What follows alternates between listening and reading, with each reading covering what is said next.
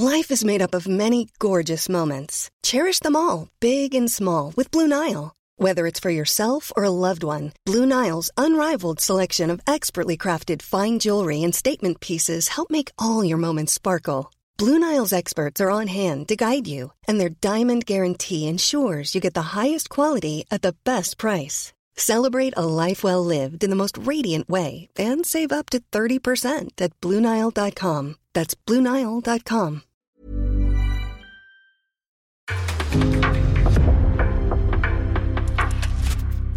En podcast från Aftonbladet.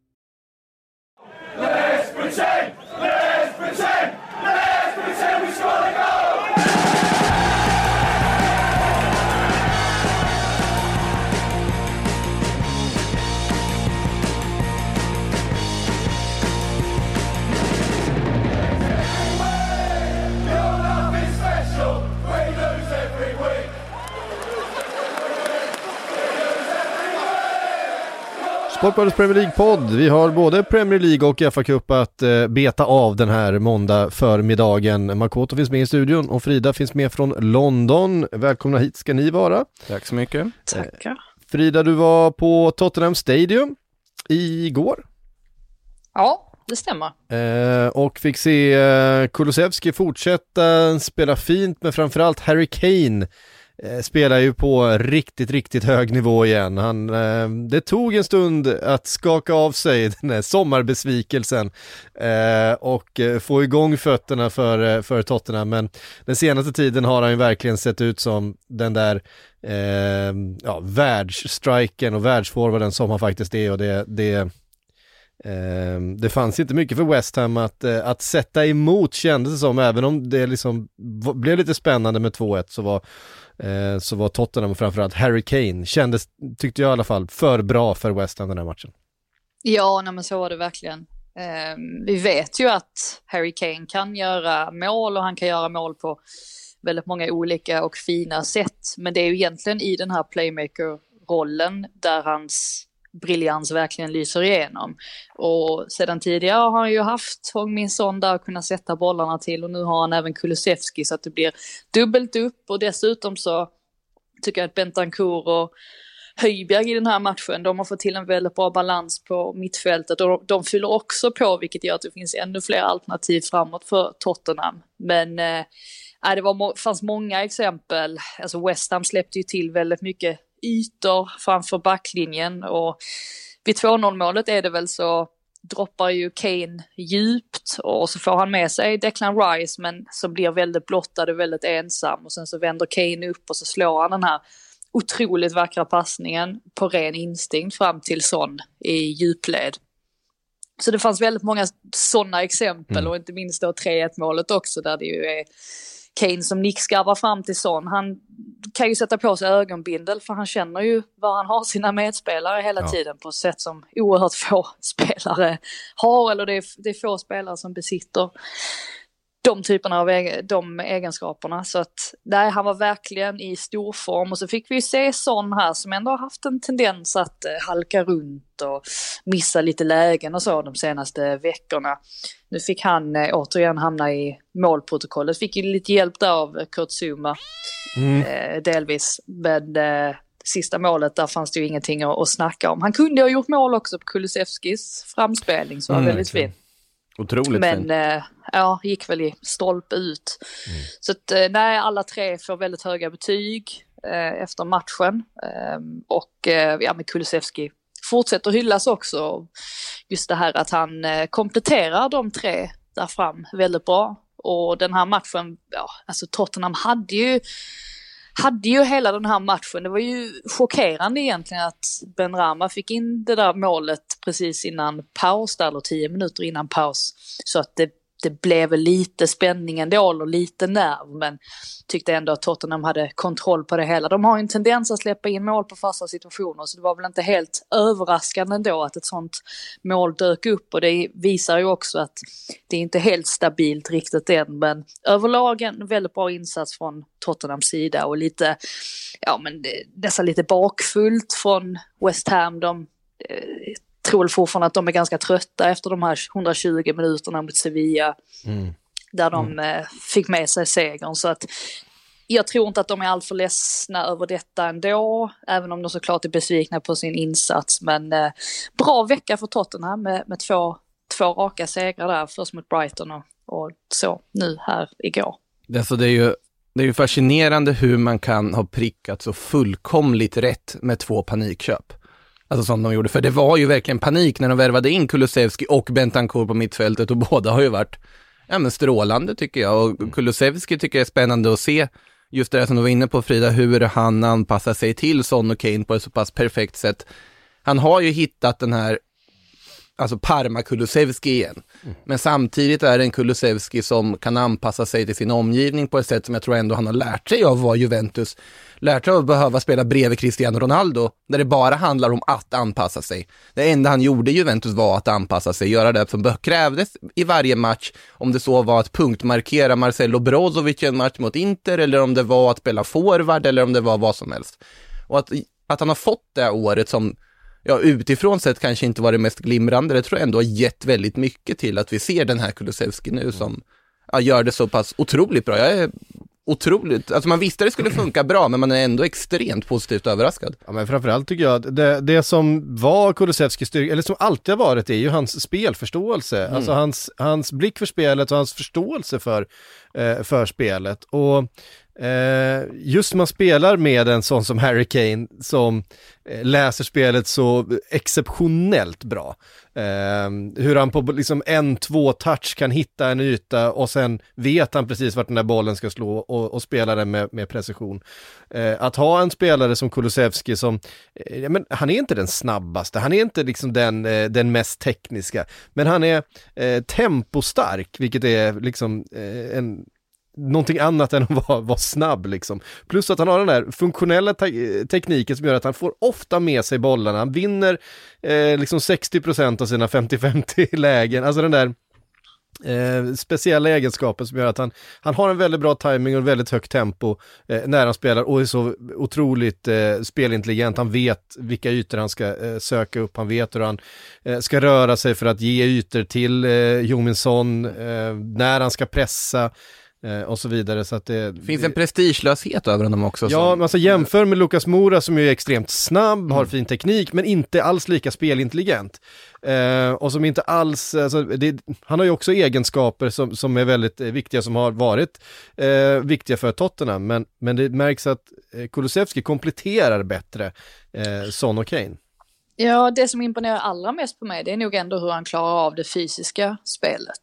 Alltså han mm. kan hålla undan vilken motståndare som helst känns det som. Alltså han har inte haft några som helst problem. Vi vet Nej. att det alltid pratas om hur, hur, hur tuff eh, Premier League är, hur fysisk ligan är och sådär. Men han, Kulusevski har inte haft några som helst problem att anpassa sig. Mm. Eh, vilket är, är, ganska förvånande. Ja, jo visst han är svensk, men det finns väl ändå ett gäng svenskar som har haft det ganska tufft ändå. Would he do it on a cold night in Grimsta? Jo, han har gjort det. Han vet vad det handlar om. Så att, äh. ja, men jag tror, men det, men det har han liksom, han är ju ingen liten kille i Kulusevski, han är ju ganska stor och han, han, det syns på, liksom på hans spelstil att han, att han har, han har väldigt fin balans till exempel och mm. det är ju otroligt viktigt i det här duellspelet och med den, alltså den funktionella tekniken han har eh, kan ju liksom härröras väldigt bra, eller eh, mycket till den fina balansen han har, att han, eh, han, han kommer rätt in i situationer och han, han eh, söker upp andra bollar och, och sådana här saker med, eh, på rätt sätt. En, eh, en kollega som satt bredvid mig på pressläktaren, han, han undrade varför han hela tiden är så spänd. Alltså varför drar han inte ner axlarna, frågade han. Jag bara, jag vet inte, det är ju, det är ju lite hans stil det här att han, mm. han drar upp axlarna när han springer. Jag bara, ja, jag vet han inte, men han kanske bara, mm. han är fokuserad helt enkelt. Mm. Det, det måste vara det. Ja, eh, det, det eh jag vet inte, jag tror inte man kan läsa så mycket hur folk ser ut när de springer. Det försökte, försökte eh, Alex Ferguson göra en gång på Jordan Henderson, han sa att den killen kommer aldrig bli något. Det kan jag se på sättet han springer på. Oj, eh, ja. Ja, det är en, det är en mm. sån klassisk, det var ju därför han, han påstod att han inte ville värva honom till Manchester United då, back in the day. Eh, men, ehm, eh, ja, med de tre poängen då, eh, eller med de dubbla segrarna för, för Tottenham, så hänger man ju fortfarande med i jakten på Champions League, även om det är fördel Arsenal. Eh, och det var en eh, svår, det var en sån här riktig eh, vad ska man säga, snubbeltråd som eh, Arsenal hade att ta sig förbi. Eh, Aston Villa borta, eh, man vet aldrig riktigt vad man får eh, utav Aston Villa. Det, det finns gott om kvalitet i laget. Eh, I den här matchen, Steven Gerrard var ganska missnöjd efter, eh, han tyckte inte alls, framförallt under första halvlek när Arsenal dominerade, eh, får man säga, så kom Aston Villa inte upp i nivå. Bättre i andra, skapade, skapade en del, men en till slut välförtjänt 1-0-seger för Arsenal och det är den här typen av segrar man behöver i det här skedet och um, otroligt viktigt för moralen att inte släppa Tottenham närmare. Ja, Villas plan baktände ju totalt. De ville ju spela ut kort. Eh, jag tror inte Martinez drog en lång utspark förrän en, en bra bit in i, i matchen och att McGinner då, Ramsey, droppade djupt för att länka upp spelen. Men varenda gång de gjorde det så vann Arsenal enkelt tillbaka bollen och så såg det ju ut. De försökte ju slå några långbollar mot Watkins som jag tror bara vann en luftduell. Sen hade de ju totalt 17 touch i offensiv box endast två under första halvleken. Och det är ju en av de lägsta siffrorna under hela säsongen så det, det visar väl att Villa inte alls var, var med i den här matchen stora stunder. Och det väcker ju även frågan huruvida Buendia och Coutinho bör spela ihop när motståndet är lite bättre och om Watkins inte ändå är bättre bredvid Ings. Men eh, nej, nu, nu ställde ju Gerard upp med de här spelarna och men jag tycker att Arsenal egentligen, alltså särskilt efter den här förlusten då mot Liverpool, som väl ändå indikerade att man har en liten bit upp till de, ja, men till de två bästa lagen i ligan. Eller ja, vi får väl se hur, eh, hur nära de är Chelsea härnäst. Men på något sätt så, eh, alltså själva stämningen kring, kring hela den här matchen och hur stämningen framförallt var efter, efter matchen, efter att Coutinho hade slagit ja, Villas enda skott på mål och eh, Bernt Leno räddar och jag vet Ashley Young sa någonting om att, ja men liksom eh, Wolves-spelarna också kritiserade efter eh, deras möte med Arsenal att oh, de, de firar som att de har vunnit ligan eller Champions League. Men jag tror att det är ganska viktigt ändå, alltså efter de här åren som, som Arsenal har haft nu där allting har gått snett, eller det mesta har gått snett, vann ju i och för sig en fa Cup-titel, men i övrigt så har det ju inte gått sådär spikrakt som de hade hoppats på. Och att då se alltså hur stämningen är nu och hur muntert och glatt det är och alla spelare klappar om varandra och de firar med fansen. Jag tror att Arsenal verkligen har längtat efter en tid som den här nu mm. och att eh, liksom hoppet, framtidshoppet är oerhört stort.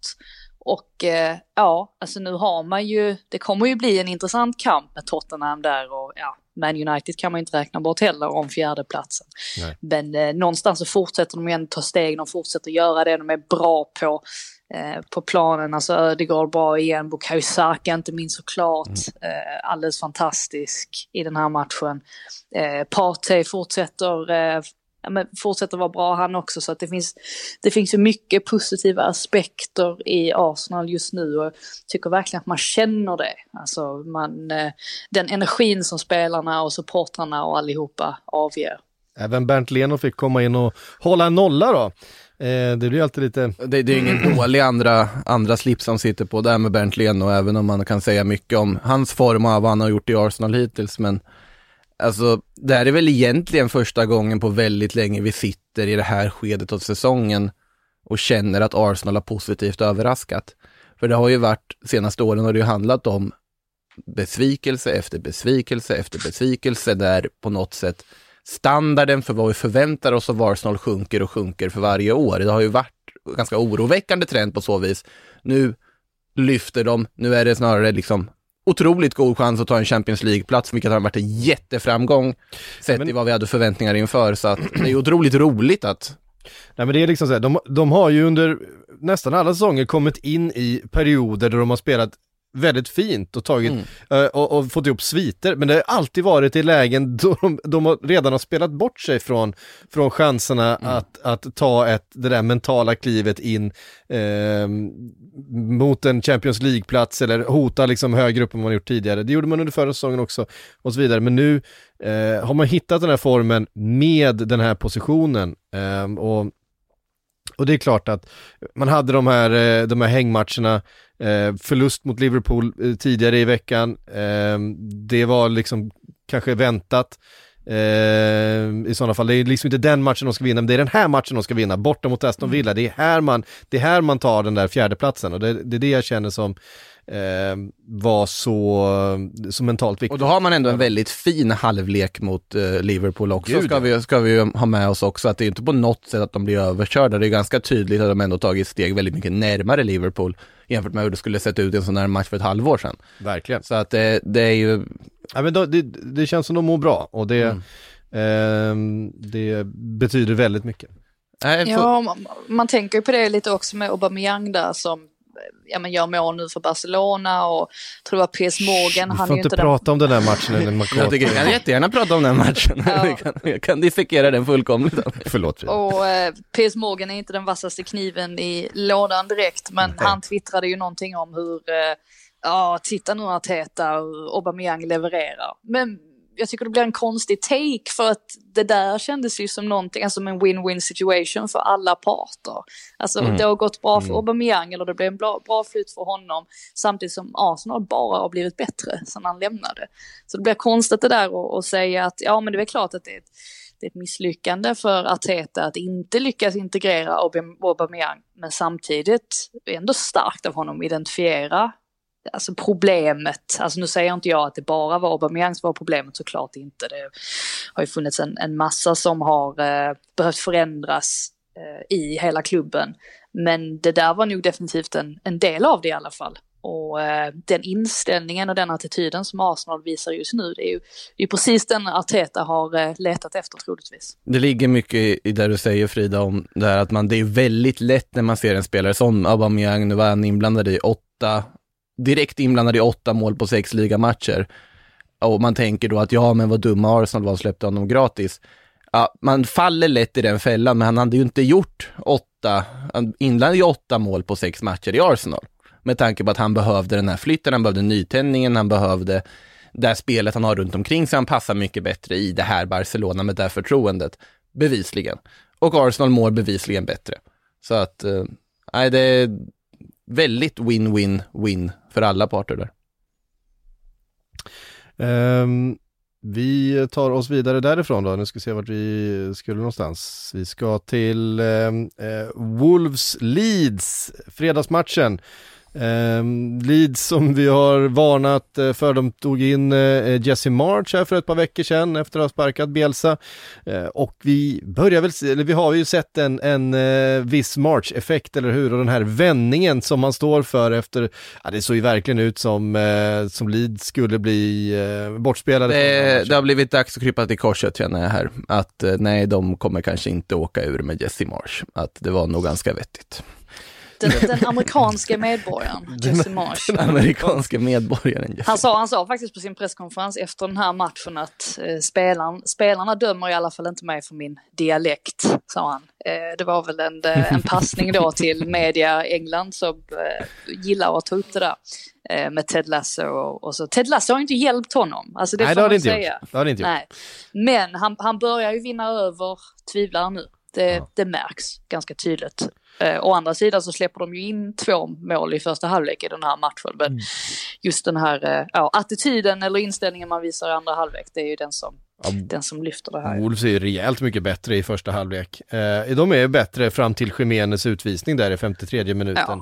Ja. Eh, och mm, där, där får man liksom en, att Harrison gör mål då bara eh, vad är det, tio minuter efter, eh, efter utvisningen och de kan börja jaga liksom. Där känner man ju att hela det psykologiska övertaget eh, vänds från Wolves till Leeds och då det momentumet lyckas man få med sig hela vägen. Rodrigo gör ju mål bara direkt efter och då är det 2-2. Sen är det Leeds som jagar med en man mer, den där segern. Och den betyder så otroligt mycket för dem. Eh, för lite liknande eh, som vi sa för för ehm, eh, Arsenal att få med sig den där tre poängen eh, för att hålla de andra liksom eh, bakom sig. Det, för Leeds är det här, ja men hur viktigt som helst, eh, mm. de här tre poängen.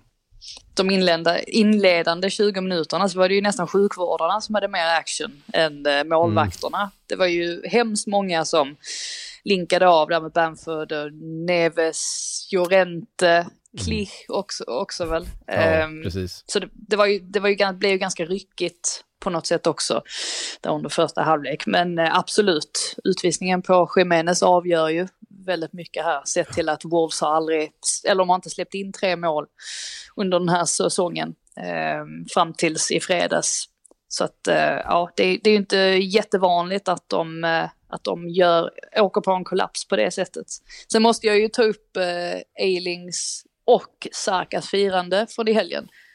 För att Eiling inledde ju då med att eh, han försöker göra en Robbie, Key, eh, Robbie Keane där, det är ju ganska tydligt. när han Ja. försöker göra en volt och misslyckas totalt. Jag tror att det var någon, jag tror till och med att kommentatorn sa att det, det var ett patetiskt försök till att efterlikna. Men sen gjorde ju Saka någonting liknande, det var väl inte meningen egentligen. men han försökte skulle glida på knäna och Ja, fastnade. precis. Han glider på knäna och fastnar i gräset och så blir det ju en väldigt, väldigt snygg eh, flipp En kull, kullerbytta. Mm, det är en Ja. kullerbyta. Ja. Nej, men det, är, det är livsfarligt det där. Det, det finns, jag tycker det ser så jäkla läskigt ut när man ska glida på knäna och fastnar. Det känns som, en, som en risk för knäskada. Men eh, de, de överlevde båda två sina eh, misslyckade firningar. Eh, Trincao kom in i den här matchen då. Han, vi pratade mycket om Trincao i början på säsongen. Han inledde så fint. Eh, han är fortfarande på lån va, från eh, Barcelona? Ja, om de inte har köpt loss Om honom i köpt någon... loss honom, det- vet alltså, inte. Men, men, Barcelona lär väl vilja att Wolves köper loss honom på ett eller annat sätt i alla fall. Ja men kommer ju in här och eh, gör ett plus ett, har dessutom ett superskott i stolpen va? Eh, visst är det Trincao som eh, får till Mm, det. tror det. Mm.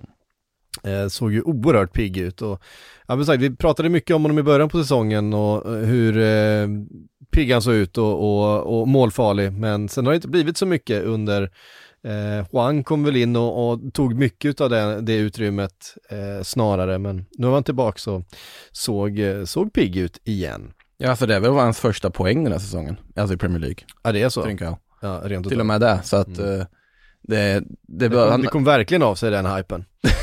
det levde i en match kanske. Jag hade hype på att han såg pigg ut, men några poäng gjorde han ju inte tidigare i alla fall, klart Nej. och tydligt på pappret. Men alltså det är ju en, det var ju ganska roligt där när, alltså när Barcelona värvade in honom, så var det ju han som var den här stora talangen som man var lite spänd på, vad ska det bli av det? Och sen värvade man ju den där Pedri lite på hörnet samtidigt från Las Palmas som var spännande. Ja, men han kanske kan få en A-lagschans eller ska han få växa i B-laget? Ja, ni som såg klassikot igår såg ju hur bra Pedri är. Eh, det är helt sanslöst hur han har om, ja, höjt nivån efter sin skadefrånvaro. Nu smög jag in på La Liga ändå här lite, men ja, Mycket, mycket snack om utvisningen också kring Jiménez. Ja, den var ju lite konstig, alltså han hade ju ett gult kort då, sen är det den där 50-50 bollen med eh, Melier, eh, som ju Melier är först på såklart, men det är ju inget, det är ju ingen tackling direkt, det är ju en kollision. Och det är klart han kommer ju in sist i situationen, Melier är ju den som vinner bollen. Eh, och eh, det blir ju ganska, eh, liksom, det blir ju en ganska brutal vad säger man? Mm, alltså, Kolli- ja, kollision mellan spelarna. Och då är det klart att kommer man in Ja, då han, med han den... tvingas ju bytas av också ju. ja, han, han är ju Ja, just det, fjär, här, fjärde det han ut. göra. Så att, eh, Eh, så att, ehm, ja, ja men gult kort är väl inte fel. Han kommer ju för sent in i situationen, han kommer lite, lite brutalt in, sen försöker han ju inte göra något, eh, något fult eller, eh, eller kastar sig o, liksom med, med dobbarna före eller sådär. Men, men ehm, Det är ju samma diskussion det där med att ja, men vissa hävdar att men vad ska spelarna försvinna eller alltså, ska man inte kunna ge sig in i en satsning Mm, någonsin för att man riskerar att åka på en utvisning. Men så är det ju idag, alltså om du om det finns risk att du utsätter din, din motspelare för fara eller medspelare för den delen kanske. Eh, mm. ja men då, då är det ett, ett gult kort alternativt ännu hårdare om det är en värre sådan. Så att jag kan förstå det på ett sätt men, men för att det är en snöplig grej att åka ut på. Sen samtidigt så, ah, jag, jag är väl inte jätteupprörd av att det ändå blir två gula kort och, och utvisning för honom där. nej, sen, sen går det ju såklart att fundera, hade det blivit ett andra gult om eh, Melier hade tvingats, alltså hållit det kvar på planen. Det finns ju mycket i det här med liksom att effekten gör någonting för domarna. Men att det där är, jag tycker inte det att diskutera att det är ett gult. Och sen såklart, det går att diskutera, ska han ha ett andra gult? Men samtidigt, regelboken gör ju inte skillnad på ett första eller andra gult heller, egentligen. Eh, nej, så är det. Och Leeds nu uppe på 29 poäng då med eh, åtta matcher kvar. Och jag tror att det räcker för dem att de tar eh, åtta poäng på de här åtta avslutande matcherna.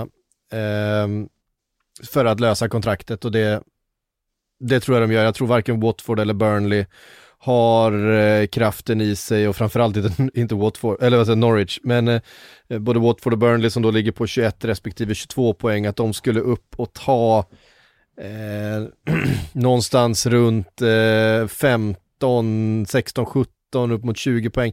Det kommer de inte göra eh, härifrån och in eh, tror jag och det eh, men och Everton är också rätt glada för. Vi, de hade ju en, eh, en, en liten berg och dalbana förra veckan. Först då den här fenomenala segern på, eh, jag vet inte vad det 8-9 eh, stopptidsminuter som Iwobi sätter 1-0 mot eh, Newcastle. Den här märkliga matchen som fick eh, avbrytas efter att en person hade eh, kedjat fast sig eller låst, bundit fast sig med ett buntband. Bult, bultsaxen. Ja. Ja men det märkliga, man, man tar fram bultsaxen för att klippa ett buntband. Eh, Ska ju tilläggas att de försökte sig, ge sig in på Tottenham Stadium också under Mm. gårdagen. Men de, då attackerade de från fyra olika håll.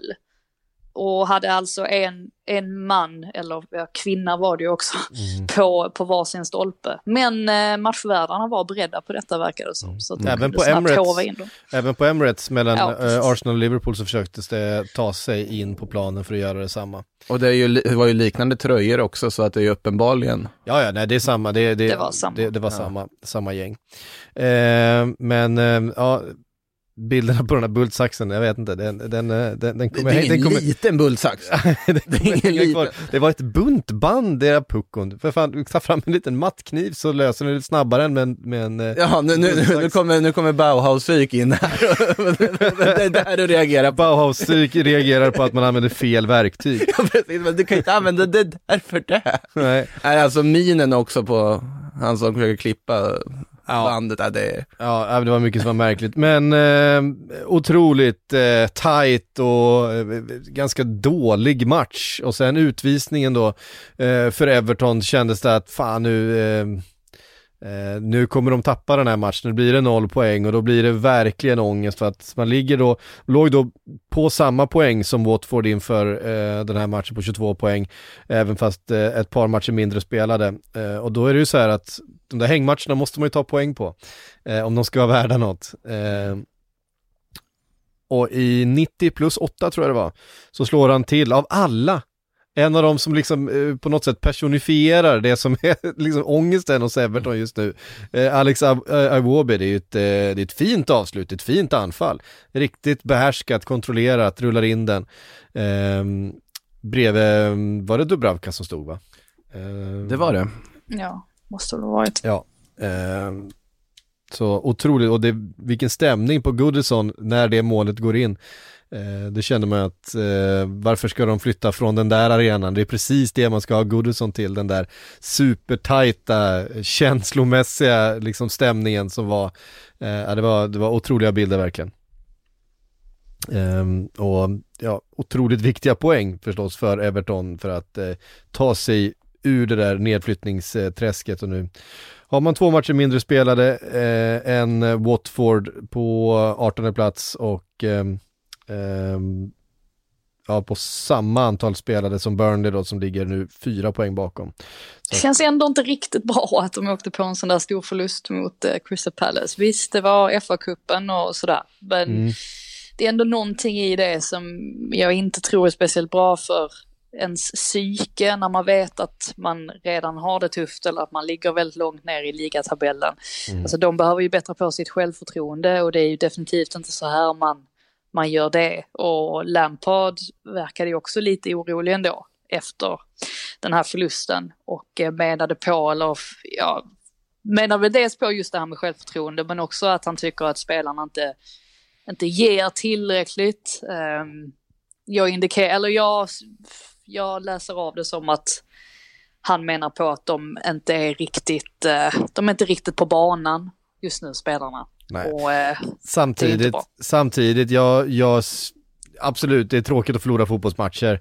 Men jag vet inte riktigt, i det läget som Everton ligger i tabellen, vad ska de med en semifinal mot Chelsea i FA-cupen att göra? De kommer, Ja, inte, man- de kommer inte ta den titeln. De kommer inte ta sig förbi Chelsea heller. Det finns, eh, alltså de skulle, behöva, de skulle behöva samla ihop all sin kvarvarande energi för resten av den här säsongen. För att, alltså Absolut, hade man haft 10 poäng mer och känt att ja, men det här kontraktet är safe, vi har en sak kvar att spela för, den här fa Cup-matchen, då kanske man hade kunnat liksom uppbåda energin som hade krävts eh, och liksom insatser som skulle krävas för att ta sig förbi Chelsea och nå en fa kuppfinal Eventuellt, där det ändå varit ett, ett slag ur rejält underläge. Nu när man sitter i den här prekära tabellsituationen, jag tycker att det känns nästan som en, en blessing in disguise att, att slippa tänka på den där eh, semifinalen, att ha en enda sak att koncentrera sig på. Ja, men inte fyra ja, precis. De, Nej, det är ja, det, klart finns, att det finns sätt att åka ur, Ja visst, sätt att åka absolut, ur. det är klart de blev överkörda och så vidare. Det, men det, jag tror att man Ja, kan de- skaka av sig det. Jag tror att man kan skaka av sig det. De inledde, inledde ju ändå ganska lovande. Men tror det var ja, men, kort efter att Keen missade det där första läget så, så är det ju som att de, eh, ja men då bara tappar de allt. Och Mm. visst, alltså Pallas är ju ett bra lag med, ja men Olise och Esse och, och allt vad det är. Alltså de, det är ju inget, det är inget lag man bara sveper, sveper undan hur som helst längre. Men eh, samtidigt så nej, jag vet inte. Jag, jag tror inte att det är speciellt bra för, för Evertons eh, huvuden att eh, man åker på en sån här förlust. Jag tror inte att om de hade fått frågan, är inte det här en blessing in disguise? Efter 4-0 förlusten hade man fått en ganska mörk blick från... från Ja, nej, men det tror jag också. Det är tråkigt att förlora fotbollsmatcher. Det är framförallt tråkigt att förlora dem på det här sättet, att bli liksom, Jo, att bli överkörda. Men jag tror att för deras säsong, absolut. absolut. Eh, så tror jag, för att, menar, Men om de åkte ut med 1-0, inte med att åka dit och få 4-0 mot ett lag som de egentligen borde vara jämnbra med, om man tittar på hur. Och då, då sätter jag ganska låga krav då på Everton sett till liksom förutsättningar och allting. För att eh, det är ju de här närmsta matcherna, de här närmsta eh, omgångarna som man ska ta sina poäng här. Eh, man möter eh, West Ham borta i, eh, i nästa omgång då, den, eh, nu är det ju landslagsuppehåll, eh, men den 3 april. På söndag möter man West Ham och sen eh, bara i veckan efter då, den sjätte, bara tre dagar senare, möter man Burnley borta. Eh, su- superviktig och dessutom ska man ju möta Watford då som, Mm. både Watford och Burnley har man ju kvar. Ehm, och dessutom Crystal Palace. Eh, och sen har man ju en avslutning på eh, säsongen där med eh, Liverpool borta, Chelsea hemma, Leicester borta, Brentford hemma visserligen och sen avslutar man mot eh, Arsenal borta. Så att man behöver bygga sig ett, eh, en liten buffert med poäng Mm. tror jag. Eh, inför de här avslutande omgångarna för att risken är att de typ fyra sista matcherna kanske inte blir så många alls. beror ju lite på också, om Arsenal kan ju mycket väl ha säkrat en, en Champions League-plats i det här läget. Och då, då kan det vara, men är absolut, oavsett så vad. mycket bättre än vad, vad Everton är Så är det. Så är spelare det. för spelare så att ehm, ja, Ja, det, är- det är fortfarande, faran är liksom långt från över för Everton och den här trepoängaren var ju så otroligt viktig mot Newcastle av den anledningen. Vi ska prata lite FA Cup då också, vi var inne på Ska såklart väl, eh, måste ju bara nämna innan det. Alltså, vi pratade ju om mittbackarna i landslaget. Marco E nämnde vi aldrig. Nej just det, Eh, han har Han gjorde jättefin match här också. klev före många som man hade för, kanske förväntat sig. Ehm, Kul tycker jag. Ja, Tomori undrar nog vad som hände. ja det, det var väl eh, kanske det mest överraskande att Tomori inte var med. Men Marco är absolut, alltså han, han har ju gjort det bra i U21-landslaget och eh, har en fin säsong bakom sig så att det är väl inte helt överraskande ändå att han är med. Eh, sen verkar det väl som att Tarek Mitchell också tar en plats, vilket jag tycker är lite kul för att han är en sån där spelare som har gått under radarn lite grann nu, eh, ja men hittills under säsongen, men som nästan alltid har gjort det väldigt bra. Så att eh, kul för dem, ja, och ihop med Gallagher då såklart som också är med. Life is made up of many gorgeous moments. Cherish them all, big and small, with Blue Nile. Whether it's for yourself or a loved one, Blue Nile's unrivaled selection of expertly crafted fine jewelry and statement pieces help make all your moments sparkle. Blue Nile's experts are on hand to guide you, and their diamond guarantee ensures you get the highest quality at the best price. Celebrate a life well lived in the most radiant way and save up to 30% at BlueNile.com. That's BlueNile.com. Nottingham-Liverpool slutade 1-0 bara till slut för Liverpool. Det var väl den, den tajtaste utav de här kvartsfinalerna. Eh, som tänk, vad, tänk vad nära, vad nära Zinkernagel där. Tänk om man mm. hade satt, satt det läget. Uh, ja, Forest har ju gjort det så himla bra också i FA-cup. De har inte, de har inte haft någon lätt resa direkt. Ja, de slog ut Arsenal bland annat där, så då, då imponerade de ju. De kommer säkert gräma sig över att de Zinkernagel inte får in det där ledningsmålet innan då Jota får in matchens enda mål. Men det blir väl lite så när man som i Klopps fall gamblar och byter ut stora delar av den ordinarie startelvan, även mm. om han ju har en bred trupp. Och har ju muttrat lite över att det är mycket matcher att spela nu för Liverpools del. Men eh, det blir ju så när man är bra och slåss på en massa fronter. Ja, inte lätt för ett lag att hantera ett sånt mittfältsbyte som jag känner. det var intressant att han byter hela mittfältet i ett byte, alla tre spelare ut. Ehm, men det är klart, han hade ett, ett helt mittfält redo att kliva in också. Ja, det, det måste ju vara rörigt som motståndarspelare att plötsligt bara så här, noll saker att relatera till på att du har jobbat mot ett tremanna mittfält en hel match och sen byter du ut rakt av och bara, ah, nej. Men oavsett vad så kan ju Forrest vara ganska nöjda över vad de har åstadkommit och hur, verkligen, vad de har gjort. Ja. Och sen måste jag säga Zinkernagel alltså, vad är det med Bodeglimt? Alltså, och de spelarna som kommer därifrån och där den klubben gör det, fascinerande. Ja, sen så märks det ju alltid med Liverpool eh, vilken skillnad det är för, för eh, spelet när Trent Alexander-Arnold inte är på planen. Det blir inte samma, alltså man saknar en spelfördelare helt enkelt och Joe Gomez gör det ju bra, han är defensivt stark och han tar ändå lite initiativ offensivt och kommer runt och har liksom helt okej okay teknik och sådär eh, och försöker vara inblandad men det, det, är liksom en helt annan sak och eh, det, det underskattat vilken, vilken nyckelroll han har, eh, Trent Alexander-Arnold i, mm. i spelet, i att hitta de där passningarna genom lagdelar och så vidare. Men eh, det blev en seger till slut då för, eh, för eh, Liverpoolen. Eh, igen att man, så här, man blixtrar till, det är, en, det är ett jättefint mål av ett Simicas och, mm. och eh, Jota kombinerade. Det, det är så... Men hur, hur, ja, förlåt. Ja, det är så otacksamt för Joe Gomez ändå att liksom bli inslängd på, han kan ju spela högerback, men ändå att Ja, han är ju mittback. Exakt, det är ju det jag menar. Det, blir, det är ju ingen, han gör det bästa han kan av det, men det kan inte vara lätt situation han sitter i nu. Det var det jag skulle säga, Frida. Jag bara tänkte höra med dig Psyk hur du, hur du mår nu inför april. För om man tittar på Liverpools spelschema, det är hyfsat många viktiga matcher där. Ja det är ju, det, det är ju helt sjukt. Det är två, två möten med, med Manchester City, minst. minst ja. det kan bli fler.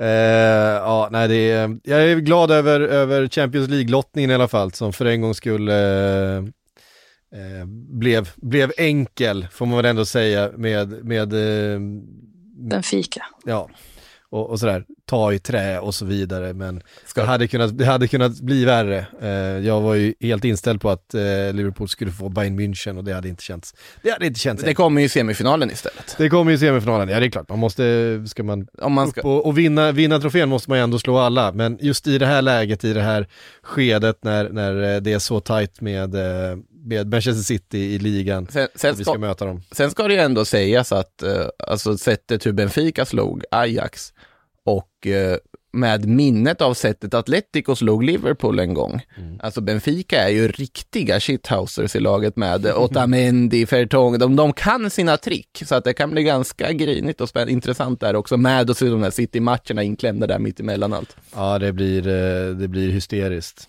Um, Mm. Men United hade ju ganska hyfsat svårt att hantera den typen av, eh, av motståndare Minst i Champions League. Minst sagt. Ja. Ja, Lite shit, shithousery. Det ja. passar inte dem.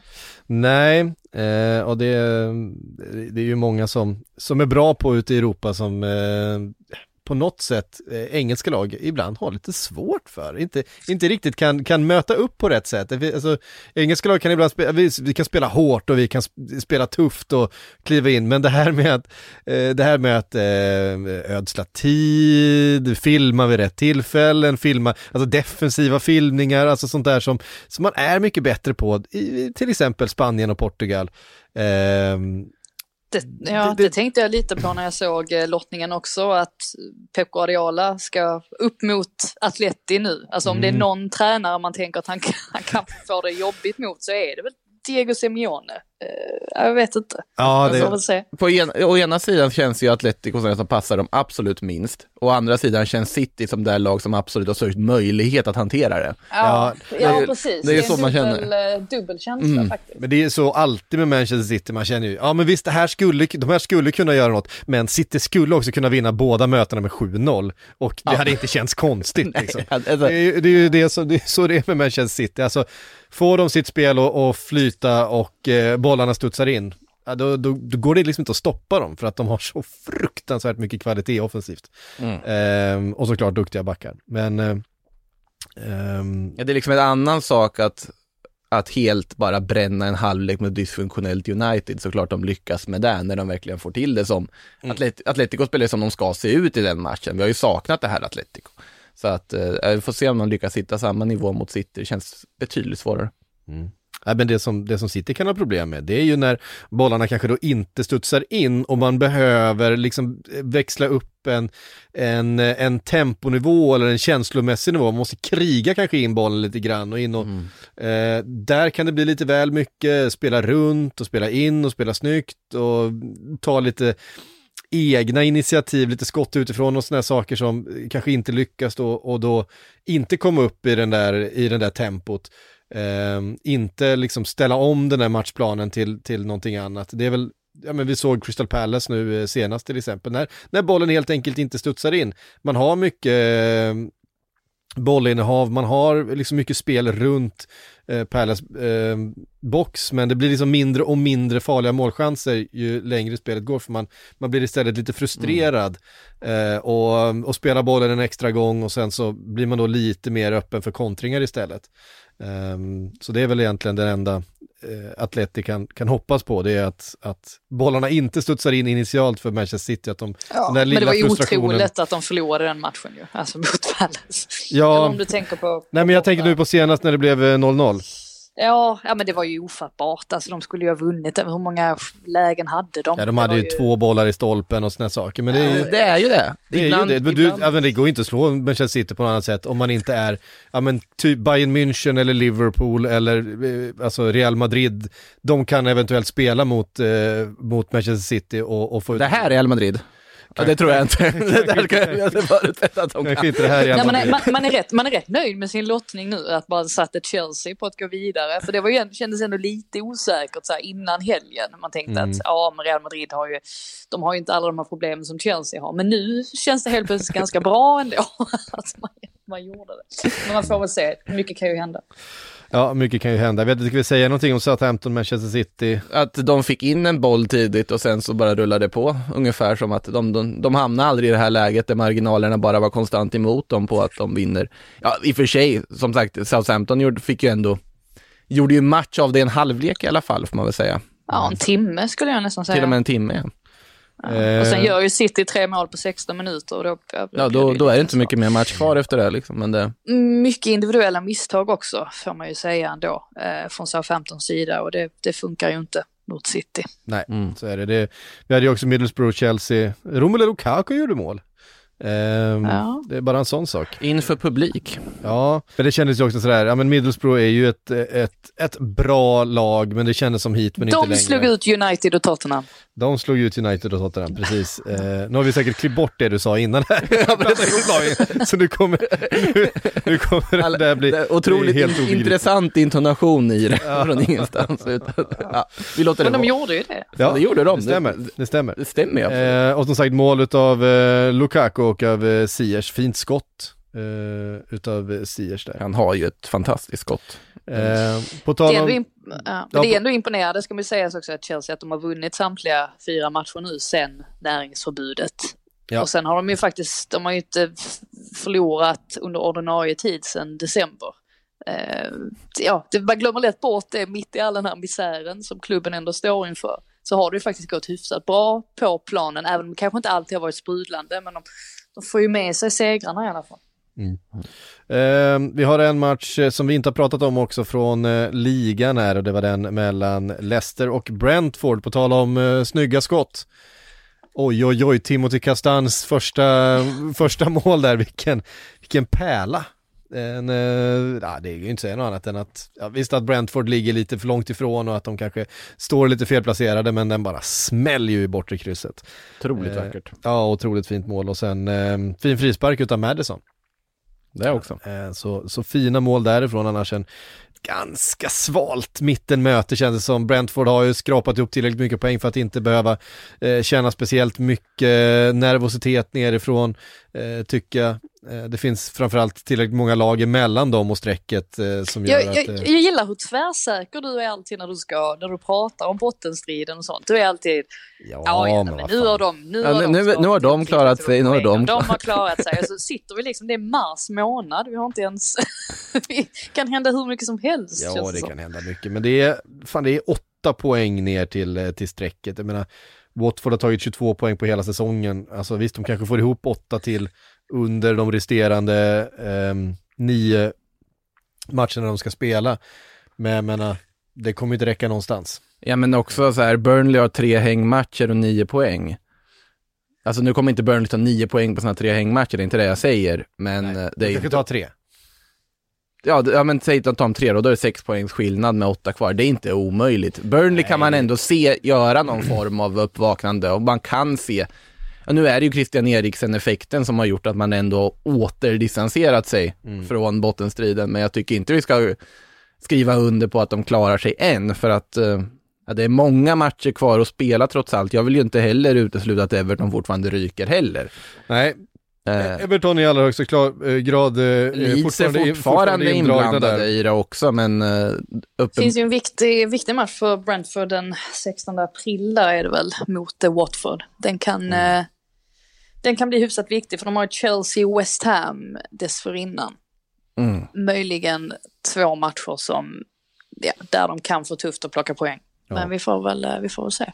Ja, ja, det är ändå en del poäng i, eh, som skiljer lagen åt där, där nere just nu. Och, eh, och och Leicester befinner sig ju verkligen i ingenmansland med sina 36 poäng, 27 spelade, har några hängmatcher, kommer eh, ja, ligga typ 10 i slutet på säsongen också. Det är väl en liten besvikelse, eller en ganska rejäl besvikelse faktiskt får man det, säga. det tycker jag Med, med tanke på eh, de senaste säsongerna och eh, Brennan Rodgers har ju varit lite frustrerad eh, och pratat om att den här truppen måste rensas ut och, eh, och uppgraderas. Och, Men det är väl dags egentligen för alla parter här tycker jag att kanske tacka Brennan Rodgers för ett fantastiskt gott utfört arbete i Leicester och få någon form av nytändning. Både för Rodgers själv och för Leicester som klubb. ja, Jag tycker det beror, beror lite på vem de kan få in också. Jag, vet, jag, jag håller Brendan Rodgers så pass högt Mm. eh, som tränare att jag... Ja, jag vet inte. Jag hade, jag hade tvekat lite beroende på vilka som finns tillgängliga. Carlo Ancelotti. Nej.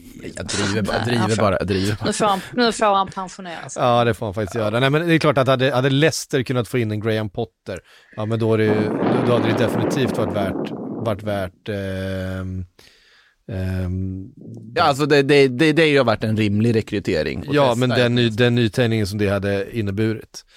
Eh, men ja, Jag tror, inte det, jag tror inte det är helt orimligt ändå. Alltså att han Nej, skulle... nej, alltså Graham Potters aktier har ju sjunkit lite under den här säsongen, får man ändå säga, eller framförallt under den här vintern. Eh, jämfört med hur det såg ut innan när vi pratade mycket om Graham Potter till, till Tottenham, vi pratade Graham Potter eventuellt till Manchester United Men och så det, vidare. det är ju problemet för Potter är väl just det här att han, absolut det finns otroligt många positiva tendenser med det han gör med Brighton, men bevisligen när vi summerar ligatabeller så är det inte så mycket resultat av det. Alltså jag, jag håller nog inte med om att hans aktier har sjunkit faktiskt. Tycker, alltså tycker, Visst, visst, resultaten går inte med Mm. honom, men han, han är ju den som hyllas kontinuerligt Så alltså det, efter absolut. förluster också. Och en Mm. tränare som hyllas efter förluster, då måste man väl ändå tänka att med ett bättre material och med färre skador och mer pengar. Det är ja, men jag tror, en, jag tror ändå att det är så, uppenbart att han måste kunna göra ett bra jobb då. ja, jag tror också att hans aktier fortfarande är starka, men eh, vi pratade ju verkligen om honom som en potentiell eh, tränare för Spurs. Det tror jag inte vi hade gjort idag. Eh, och eh, på hemmaplan eh, bland supportrarna så har det knorrats en del ju. Det har ju varit lite, lite, eh, lite dålig stämning mellan Potter och fansen vid något tillfälle.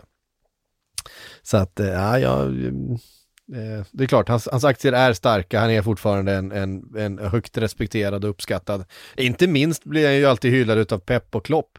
Alltså de andra tränarna vill ju alltid passa på att hylla, hylla eh, Graham Potter.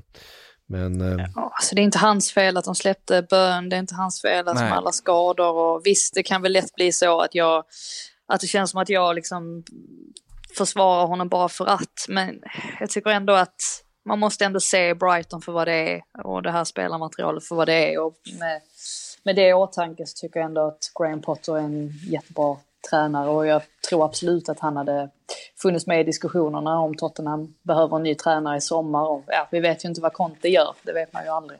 Eh, men vi får väl se. Mm. Vi eh, har fått en massa frågor i vanlig ordning. Vi eh, kan börja med en från Johan P. Hur fint kommer inte Conor Gallagher att funka i ett Tuchel-Chelsea? Och borde inte Chelsea även fundera på att aktivera den där återköpsklausulen på Livramento? Hade ju varit intressant att höra era tankar om Tammy Abraham i Roma också. Ehm, mm. Ja, alltså det är klart att eh, alltså Chelsea-talanger utspridda överallt och Conor Gallagher har ju haft en, en fantastisk säsong i, i Crystal Palace, så det är ju inte alls osannolikt att han får chansen i, nej, nej, i, nej. i Chelsea under nästa säsong. Jag tror att det är planen också. Eh, jag tror framförallt att de här säsongerna har varit väldigt bra för honom. Alltså dels när han var i West Brom som slogs för överlevnad. Jag tror att det bygger väldigt mycket karaktär eh, hos en ung spelare. Och sen då dessutom gå in i Palace och vara så bra som han har varit nu. Eh, jag tror absolut att det finns en tilltänkt plan för honom i, eh, i Chelsea. Och eh, ja, vi får väl se i övrigt vad, vad som händer. Det är så mycket ovisshet kring Chelsea överlag så att man kan inte riktigt slå fast grejer, men att de har eh, producerat många bra spelare, det, det får man säga. Har ju Brocha också i, eh, i, i Southampton. Mm. Som, ja, vi vet ju inte vad som händer med honom. Men i övrigt så är jag väldigt glad för Tammy Abraham, för det kan ändå inte ha varit lätt att ta det beslutet att ja, lämna sin trygghet lite grann och eh, dra till ett nytt land. Men eh, han älskar ju uppenbarligen varenda sekund och blir ju uppenbarligen också väldigt älskad mm. eh, tillbaka. Så att det, det, är härligt att se. Det är ju också en effekt av det här att jag tror inte vi hade sett, många har ju påpekat det att ja, man byter ut här med Abraham mot Romelu Lukaku och lägger massa pengar emellan, hur smart var det? Ja, alltså Lukaku går att diskutera den värvningen, absolut, men att Tammy Abraham-försäljningen tycker jag ändå, sett till vad han levererat, att det, det, finns en rimlighet i den. Att han behövde nog den här nytändningen. Chelsea, han hade inte levererat på den nivån i Chelsea idag, det tror jag inte. Så att jag tycker att det, det är väldigt lätt att säga det i efterhand på honom, men det är man mest glad för hans skull, som du säger Frida, att han, eh, att han levererar och visar unga engelska spelare att det finns andra alternativ än typ gå på lån till Championship, att du kan, det finns andra ligor där ute där du kan göra succé. Och det är bra också för, för engelsk fotboll i sig med tanke på också bilden från Sydeuropa på de engelska spelarna höjs ju av att man ser en spelare som Tammy Abraham komma och göra det han gör där. Mm. Eh, vi har fått en fråga ifrån eh, Rask som skriver när vi ändå är på Chelsea. Inte hört eller sett något om Chelsea. Klubben skulle vara såld på fredag men inget har hänt. Vad händer nu? Eh, ja, vi har ju ett antal olika... Den skulle väl inte vara såld utan bara buden skulle ja, vara inne? Buden skulle vara inne ja. och vi har, jag kan rabbla upp de bud som har kommit in då, för det är eh, några stycken. Eh, till att börja med så har vi något gäng som heter Ethel Partners som är då en eh, hedgefond eh, som har lagt ett bud. Det verkar ju röra sig om någonstans, eh, någonstans mellan 2 och 3 miljarder pund som det kommer kosta att köpa eh, Chelsea just nu. Eh, de har lagt ett, ett bud på 2 miljarder plus, står det. Eh, det är en Londonbaserad eh, eh finansfirma. Ehm, sen har vi Martin Broughton och Lord Sebastian Coe Eh, Sebastian Coe är ju då eh, ordföranden för eh, Friidrottsförbundet eh, och en, en så kallad trustee of Chelsea's Charity Foundation. Alltså han är en, en högt uppsatt person redan inom Chelseas organisation och han har slagits ihop med den här brittiska, alltså British Airways ehm, eh, miljardären Martin Broughton. Eh, deras bud är inte eh, officiellt vad de har lagt det på. Sen har vi då den som vi pratat mycket om, Nick Candy, eh, den fastighetsmagnaten som eh, ju är Chelsea through and through eh, hela livet. Han ska ha lagt ett bud på 2 miljarder tillsammans med pengar från Sydkorea bland annat. Ehm, Saudi, Saudi Media Group är de som av de bud som har blivit offentliga lagt det högsta budet, 2,7 miljarder. Eh, det är inte bara vem som lägger högst bud ska sägas, som, eh, det är inte bara det som spelar roll här. Ehm, men eh, det är liksom eh, Mellanösterns största mediebolag. Eh, det är Saudi Media Group som då har, har klivit in med det här budet. Ehm, det är vdn och Chelsea-supporten Mohammed Al-Kereji som ligger bakom det här. Sen har vi The Ricketts Family och Ken Griffin. Chicago Cubs-ägarna. Precis, ehm, och de är också en hedgefund i grund och botten. Chicago Cubs som nyligen värvade Japans bästa slagman från japanska ligan. Så, då fick jag in dagens Japan och Ja, baseball och så kan vi gå vidare. Deras bud är heller inte, inte eh, avslöjat. Och sen eh, sista budgivaren då som har kommit in är Todd Bowley, eh, Hans-Jörg Wyss och Jonathan Goldstein. Och det är då helt enkelt det här schweiziska eh, gänget va? Och eh, Dodgers-ägaren, det är väl de som det Precis. pratats om tidigast och mest skulle jag väl säga. Ja, egentligen. eh, också lagt ett bud då på 2,5 miljarder pund. Så där Är det har ni dem. Där har ni dem, de som eh, slåss om att ta över Chelsea nu efter Abramovic och då pågår ju liksom förhandlingarna runt, jag vet det var någon som hade med Gianluca Vialli i sitt team, jag vet inte vad det ska hjälpa, men han är en Varför legend. Ja, han det är en var ju. Det var ju Nick Candy ju. Som hade med Det är honom. klart, det var väl det var Nick Candy, han har väl eh, lite kontakt. Var inte John Terry inne och petade någonstans här också? Vill man ha honom på sitt lag? Jag vet inte.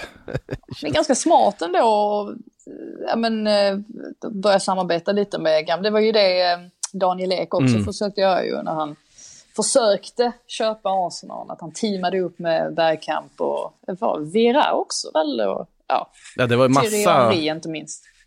Han köpte Barcelona-tröjor istället i slutändan.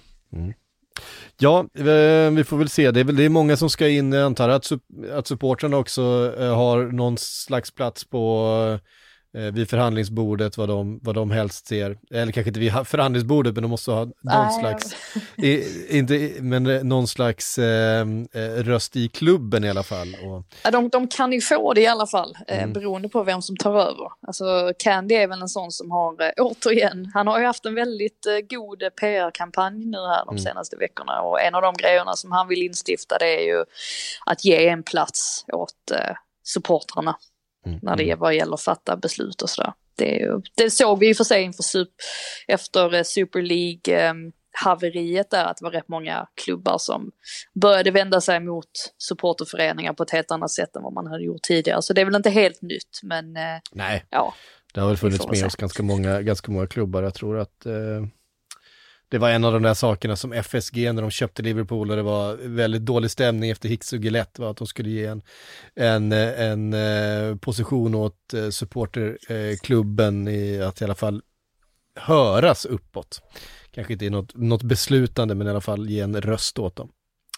Eh, så där har ni dem i alla fall. Vi, jag vet inte hur länge mm, förhandlingarna ska pågå när vi får veta något mer, men eh, där har de att ta ställning till i alla fall.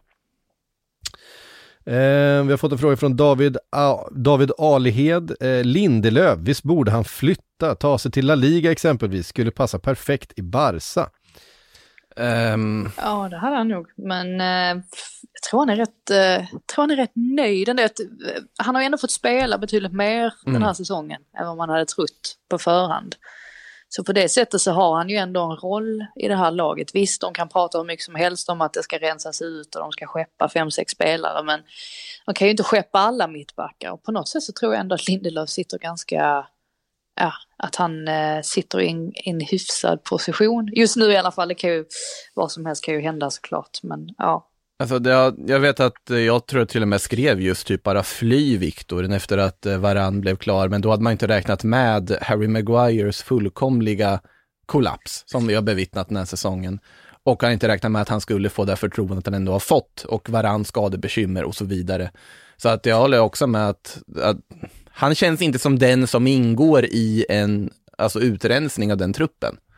Alltså, han, visst, han har ju varit på tal och sådär såklart. Ja, ja. Alltså när, eh, jag menar Roy Keane, liksom, när han hävde ur sig att ja, de här spelarna måste försvinna. Och Vi hade inte haft så mycket trupp listade. kvar om Roy Keane hade fått igenom allt han ville få bort ur klubben. Nej, och, och tränare tenderar ju att tycka ganska bra om Lindelöf också. Mm. Och, eh, viss, och eh, nu eftersom att Varann har så mycket skadeproblem som han har så kan man ju inte, då kan man inte släppa släppa en mittback heller. Det är ju också farligt om man inte får in någon, någon ny då såklart. Men eh, ja, vi får väl se vad som händer i sommar. Men jag tror inte att det är Uniteds prio ändå. De har så, de har så många områden de måste, de mm. måste hantera, eller ha många områden, men det är väl framförallt då en, en defensiv mittfältare som de har varit på jakt på väldigt länge och sen får vi väl se här om Cristiano, om han stannar och ja, vad som händer helt enkelt. Han har ju varit där i ganska många år nu, alltså Lindelöf och ändå blivit en av de alltså, viktigaste rösterna i den där klubben också i omklädningsrummet och fått en ganska upphöjd roll. Han ändå mm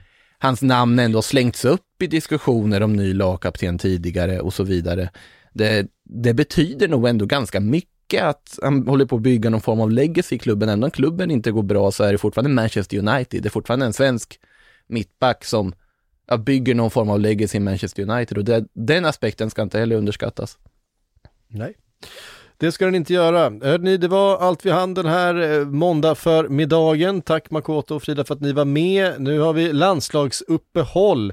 Vi får se ifall vi eh, ehm, eh, trummar ihop något eh, Premier League-relaterat nästa vecka eller ifall vi kanske koncentrerar oss på att göra lite extra silly. Eh, det är inte alls eh, omöjligt med tanke på att det allsvenska fönstret eh, fortfarande är öppet och närmar sig deadline. Eh, så är det ju. Uh, det stämmer det, Makoto. Ja, ja, ja, jo, det, stämmer, det, stämmer, det stämmer, det stämmer. Jag, jag hade sagt emot det Anna. jag menar det. Du, du fick en uh, liksom nod härifrån som bara sa ja det stämmer Patrik. Uh, jag, blev, jag blev osäker direkt jag sa det. Men i alla fall härifrån, här och nu så säger vi tack för att ni har lyssnat och på återhörande.